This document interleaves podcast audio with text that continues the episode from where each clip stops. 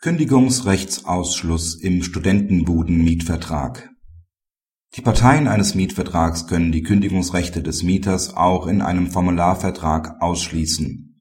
Bei Studentenwohnheimen soll dies jedoch nach Meinung des BGH nicht möglich sein.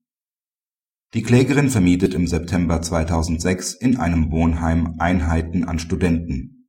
In den auf unbestimmte Dauer abgeschlossenen Formularverträgen wird für beide Parteien jedoch das Kündigungsrecht für zwei Jahre ausgeschlossen. Wegen unhygienischer Zustände im gemeinschaftlichen Sanitärbereich wird der Vertrag mieterseits bereits im Juni 2007 und zwar ohne eine Abmahnung auszusprechen fristlos gekündigt. Die Parteien streiten nunmehr um die Miete und die Kautionsrückzahlungspflicht. Der BGH geht mit den Vorinstanzen davon aus, dass das Mietverhältnis zwar nicht durch eine fristlose wohl aber durch eine insoweit umzudeutende fristgerechte Kündigung zum Ende Oktober 2007 aufgelöst ist. Denn der vereinbarte Kündigungsrechtsausschluss beeinträchtigt den Mieter in einem Studentenwohnheim unangemessen. Er ist daher nach 307 Absatz 1 Satz 1 BGB unwirksam. Dem steht nicht entgegen, dass in einem Wohnraummietverhältnis grundsätzlich wirksam ein beiderseitiger Kündigungsrechtsausschluss vereinbart werden kann aus den gegebenen Umständen kann sich nach Treu und Glauben jedoch eine andere Beurteilung ergeben. Dies ist vorliegend der Fall, weil Studenten in der Regel ein hohes Maß an Flexibilität und Mobilität benötigen, um Unwägbarkeiten des Studienverlaufs begegnen zu können.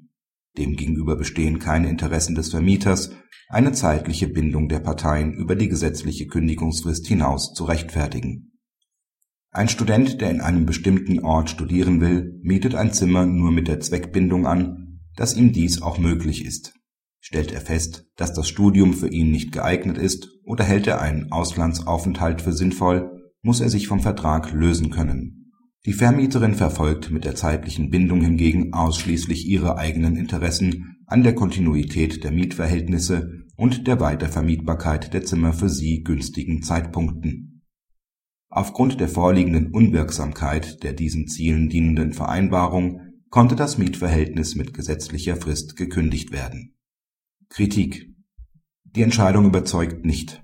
Die Parteien hätten eine zeitliche Bindung für ein in einem Wohnheim gelegenes Zimmer nicht durch den Verzicht auf eine Kündigung erreichen können.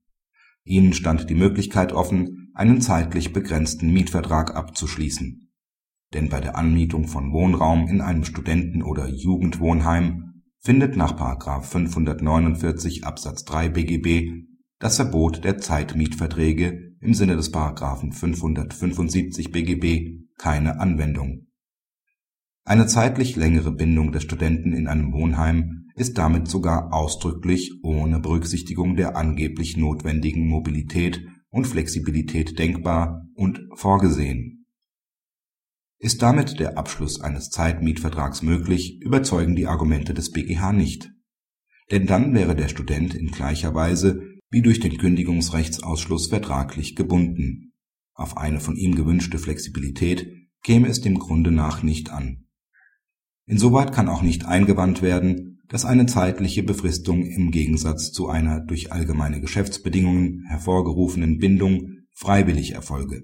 Dies wäre nur vordergründig denn in beiden Fällen wird niemand zum Vertragsabschluss verpflichtet.